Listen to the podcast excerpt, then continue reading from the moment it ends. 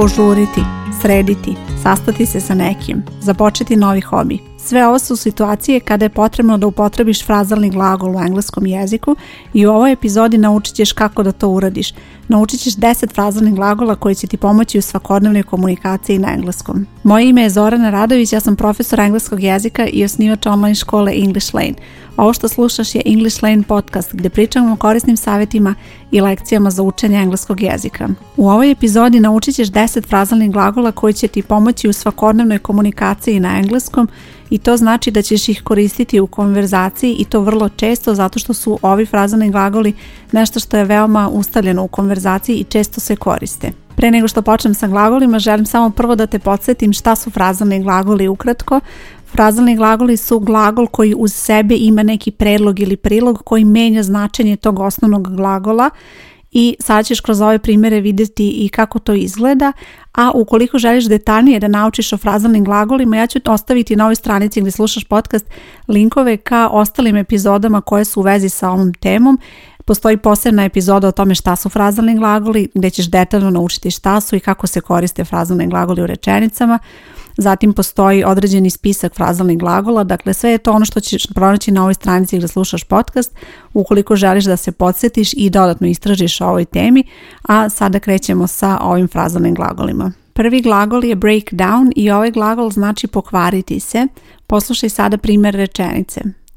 My car broke down so I had to go by bus. Ova rečenica znači moj auto se pokvario pa sam morala da idem autobusom. U ovoj rečenici upotrebljeno je vreme past simple, prošlo vreme i zato čuješ ovaj oblik broke, broke down. Osnovni oblik je breakdown, to je infinitiv, ali ono što je bitno da zapamtiš za frazalne glagole je da taj glagol moraš da prilagodiš rečenici i pošto ove ova rečenica u prošlom vremenu opisuju se događaje iz prošlosti, onda i ovaj glagol mora biti u vremenu past simple. Drugi frazalni glagol je come across i on znači naći nešto slučajno ili sresti nekoga slučajno. Zapamti da mnogi frazalni glagoli imaju više značenja i mogu se koristiti u raznim situacijama i vrlo je bitno da to zapamtiš postepeno, onako nećeš odjednom pamtiti sva značenja, već jedno po jedno kako budeš učila nove reči i kako budeš učila na kursu koji pohađaš. Poslušaj sada primjer ove rečenice. She was cleaning the attic when she came across their old photos. U ovoj rečenici je opet upotrebljeno prošlo vreme i zato je oblik came across i came across ćeš prevesti ovdje naći nešto slučajno. Dakle, ona je čistila tavan i naišla je slučajno na njihove stare fotografije. Inače, ovaj glagol koristiš samo u tim situacijama gdje želiš da naglasiš da je nešto nađeno slučajno, ako želiš samo to osnovno značenje naći nešto, koristit ćeš glagol find. To nije frazalni glagol, to je običan glagol koji ima to osnovno značenje, ali ukoliko želiš da naglasiš da neko nalazi nešto slučajno ili da sretne nekog slučajno, koristiš come across. Poslušaj sada i drugi primjer kako da upotrebiš ovaj glagol kada želiš da pričaš o osobi koju sretniš slučajno. I was in the park yesterday and I came across my friend from high school. Bila sam u parku juče i srela sam prijateljicu iz srednje škole.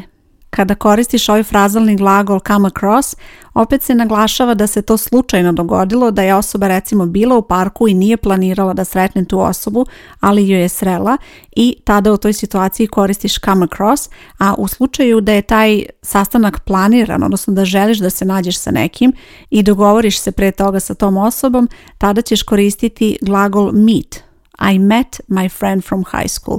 U toj situaciji koristiš glagol meet, sresti nekoga, odnosno naći se sa nekim i možeš upotrebiti i u ovakvoj rečenici I met my friend from high school. To su te neke male razlike koje su veoma bitne u engleskom i koje ti pomažu da odlučiš koju reč ćeš da upotrebiš u kom trenutku. Sljedeći treći frazalni glagol je come in. Ovaj frazalni glagol se često koristi nezavisno od cele rečenice, dakle obično je ili na početku ili negde u razgovoru kao posebna rečenica i koristi se kada pozivaš nekog da uđe. Recimo ako neko kuca na vrata, vrata su otvorena i osoba može da te čuje, u toj situaciji možeš reći come in ili recimo možeš otvoriti vrata pa onda pozvati osobu da uđe na isti način, koristiš ovaj frazalni glagol i tada je značenje uđi. Sljedeći frazalni glagol je get on i ovaj frazalni glagol može imati i više različitih značenja, a ja ću se sada fokusirati na ono jedno koje će ti biti korisno u svakodnevnoj komunikaciji, a to je ući u autobus, ali ne mora samo autobus, može da se koristi i za voz, i za brod, i za još neka prevozna sredstva. I preslušaj sada primjer rečenice. They got on the bus and went towards the museum. Ušli su u autobus i krenuli prema muzeju. U ovoj rečenici opet imamo prošlo vrijeme zato što se prepričava i zato je got oblik frazalnog glagola, a get je osnovni oblik frazalnog glagola i ovakva rečenica će ti biti posebno korisna na putovanjima i kada želiš da kažeš da se osoba nalazi u autobusu, da je ušla u autobus, reći ćeš get on. Kada je u pitanju druga situacija, kada osoba izlazi iz autobusa ili treba da izađe iz autobusa, tada ćeš koristiti sljedeći frazalni glagol, a to je get off. Ovaj frazalni glagol ima suprotno značenje i znači izaći, odnosno napustiti to preuzno sredstvo i poslušaj sada ovaj primjer. You should get off the bus soon. Uskoro bi trebalo da izađeš iz autobusa. Ovo je isto rečenica koja je korisna na putovanjima ili recimo možeš koristiti kada želiš da pitaš za pravac i kada pitaš gde treba da izađeš iz autobusa, a želiš da stigneš na neku određenu destinaciju. U tom slučaju reći ćeš where should I get off the bus? Gde bi trebalo da izađem iz autobusa? Frazalne glagole posmatraj kao nove reči u engleskom i kao što vidiš da sada to su sve reči koje možeš koristiti u svakodnevnom govoru i u raznim situacijama u kojima se možeš naći i vrlo je bitno da kreneš sa frazalnim glagolima na vreme, da nema potrebe ostavljati frazalne glagole za neki e, napredniji nivo jer su ovo reči koje su zaista korisne u konverzaciji čak i kada si na početnom nivou. Sljedeći frazalni glagol je također sa glagolom get i to nemoj da te zbuni, dakle jedan glagol kao što je recimo glagol get može uz sebe imati razne predloge i na taj način postati svaki put drugi frazalni glagol, odnosno imati svaki put drugačije značenje, koristiti se u drugačijim situacijama. Imali smo get on, get off, a sljedeći je get together. On je drugačiji u odnosu na prethodna dva zato što su on i off bili predlozi, together je prilog, ali za razumevanje frazalnih glagola i za učenje frazalnih glagola nije ti previše bitno da razmišljaš o tome šta je priloga, šta predlog u toj situaciji, već je bitno da probaš da zapamtiš značenja svih ovih frazalnih glagola. Učiš frazalne glagole kao jednu celinu, kao izraz koji je takav i koji ima te reči koje ima. Glagol get together znači sastati se sa nekim. Poslušaj sada kako da upotrebiš ovaj glagol u rečenici. She decided to get together with her friend and talk about it. Odlučila je da se nađe sa prijateljicom i razgovara o tome. Get together, naći se ili sastati se sa nekim, tako ćeš prevesti taj glagol i koristit ćeš ga često u situaciji kada posle dodaješ with, predlog sa nekim.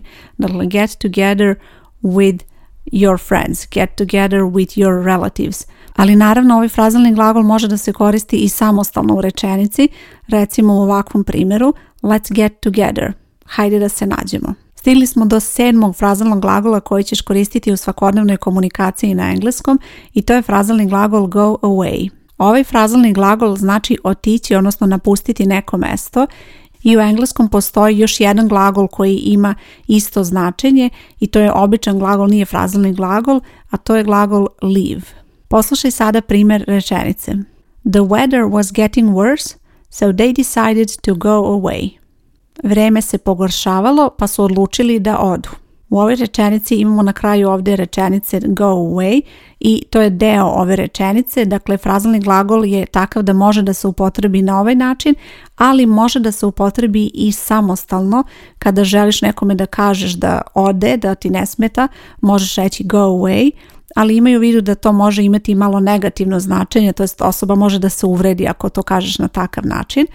A naravno, osim to go away, možeš i reći just go away samo idi. To je situacija kada želiš baš da naglasiš to značenje i da kažeš osobi da ide i da ne želiš da je vidiš u toj situaciji. A kada želiš da ublažiš značenje ovog glagola u takvoj situaciji, znači da i dalje daš nekome instrukciju da ode, ali da to malo ipak ublažiš, možeš reći please na početku. Please go away. Molim te idi. Sljedeći frazalni glagol je hurry up koji znači požuriti i ovaj frazalni glagol se često koristi samostalno kada želiš nekome da daš instrukciju, da želiš da požuri osoba, možeš reći hurry up. I dovoljno je da upotrebiš samo taj glagol. U toj rečenici nije ti potreban ni subjekat rečenice, ništa ne koristiš na početku, već samo kažeš hurry up i na taj način daješ instrukciju osobi šta želiš da uradi. Za ovaj frazalni glagol vrlo je bitan kontekst i način na koji ćeš koristiti i izgovoriti ovaj frazalni glagol, jer to može da utiče na to kako će se osoba osjećati, pogotovo što daješ instrukcije. Na primjer, ako si u situaciji da te osoba nervira zato što se sporo sprema ili tako dalje, možeš reći malo ili glasnije i malo onako sa drugačijim tonom hurry up ili možeš čak dodati would you just hurry up. Na taj način govoriš da je osoba spora i da nemaš strpljenje za to. Naravno i ovaj izraz se može ublažiti ako u situaciji želiš da budeš malo ljubaznija i da zamoliš osobu da požuri, to ćeš uraditi tako što ćeš reći please hurry up ili would you please hurry up. Ovo su sve situacije kada možeš da prilagodiš ovaj frazalni glagol određenoj situaciji i vrlo je bitno da to uradiš i da razmišljaš o tome, pogotovo kako napreduješ sa učenjem engleskog jezika i kako koristiš engleski jezik u svakodnevnoj komunikaciji, jer je ta komunikacija vrlo bitna. Dakle, nije samo bitno izgovoriti prave reči, već i upotrebiti ih na pravi način. Ok, stigli smo skoro do samog kraja. Sljedeći frazalni glagol se koristi u situaciji kada želiš da kažeš da započinješ da se baviš nekim hobijem i taj frazalni glagol glasi take up. Kada prevodiš ovaj frazalni glagol može ti biti malo komplikovano da prevedeš jer ne postoji tako jedna reč, već ćeš uglavnom morati da koristiš ovu frazu koju sam i navela kao prevod da prevedeš tu rečenicu i da prilagodiš značenje takvoj situaciji. Poslušaj odmah primjer pa ćeš vidjeti kako to izgleda. She took up knitting. Započela je da se bavi pletenjem. Dakle, knitting je hobi, naravno tu možeš dodati bilo koji drugi hobi, a kada koristiš glagol take up, moraš da prilagodiš to rečenici, znači osoba je započela da se bavi ili recimo ako želiš da kažeš she took up doing yoga, počela je da trenira jogu. Dakle, ne moraš da kažeš baviti se u toj situaciji, možeš da kažeš počela je da trenira jogu. Ili možeš i dalje počela je da se bavi jogom. I tako dalje prilagodit ćeš ovaj glagol rečenici kada je prevodiš naravno, a ne zaboravi da na engleskom uvijek prilagodiš glagol rečenici u smislu vremena koje je upotrebljeno u rečenici. Ovdje imamo past simple, zato je took, može biti take za sadašnje vreme, ako je treće lice biće nastavak s ili e s u zavisnosti od glagola i tako dalje. Uvek vodi računa o tim pravilima kada koristiš vremena u engleskom. Kada govoriš o hobijima, ti govoriš o nekoj situaciji koja je započela u prošlosti i koja se verovatno nastavlja u sadašnjosti, tako da ćeš češće biti u situaciji da upotrebiš vreme present perfect i tada možeš reći za sebe I have taken up swimming. Na primjer, započela sam da se bavim plivanjem. To je situacija kada koristiš present perfect zato što je to nešto što si započela da radiš i nastavlja se i dalje ako je to i dalje tvoj hobi. Tako kada si u svakodnevnoj komunikaciji i neko te pita čime se baviš, kojim hobijima se baviš, ovo je frazalni glagol i vrijeme present perfect je nešto što možeš da upotrebiš da odgovoriš na takvo pitanje. I posljednji frazalni glagol je glagol tidy up, što znači srediti i poslušaj kako da upotrebiš ovaj glagol u rečenici. Before you leave, you have to help me tidy up the living room. Pre nego što odeš, moraš da mi pomogneš da sredim dnevnu sobu. Ovdje imamo tidy up, frazalni glagol koji je upotrebljen u tom osnovnom obliku, zato što je pre toga ovo tu, a u ovoj situaciji se koristi taj osnovni oblik, nije potrebno koristiti neki drugi oblik, ali naravno zapamti da u zavisnosti od vremena ti možeš prilagoditi i ovaj glagol rečenici, pa ako je nekada potrebno dodati neki nastavak, upotrebiti neki pomoćni glagol uz ovaj glagol i tako dalje.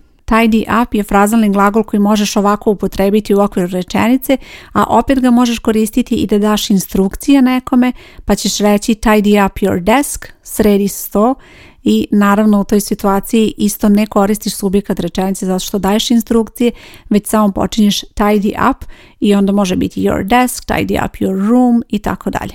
U ovoj epizodi prošli smo kroz 10 frazalnih glagola. Ovo je nešto što će ti pomoći da se bolje izražavaš na engleskom jeziku i da imaš sigurnost kada treba da učestvuješ u komunikaciji. Naravno, vremenom ćeš učiti sve više frazalnih glagola i na ovoj stranici gdje slušaš podcast ja ću ostaviti linkove ka još nekim epizodama koje bih preporučila da preslušaš. A ukoliko si član moje škole na ovoj stranici gdje slušaš podcast bit će za tebe link na koji ćeš moći da klikneš da uradiš vežbanja u vezi sa frazalnim glagolima kao i neke do dodatne aktivnosti koje imamo u školi. Škola koju pominjem je English Lane, to je moja online škola gdje možeš učiti engleski preko interneta i ako nisi član škole, na ovoj stranici ili slušaš podcast bit će link ili možeš da potražiš English Lane online škola i tu ćeš pronaći sve informacije o školi i kako možeš da se prijaviš. Moje ime je Zorana Radović, hvala ti što slušaš podcast i čujemo se uskoro. Ćao!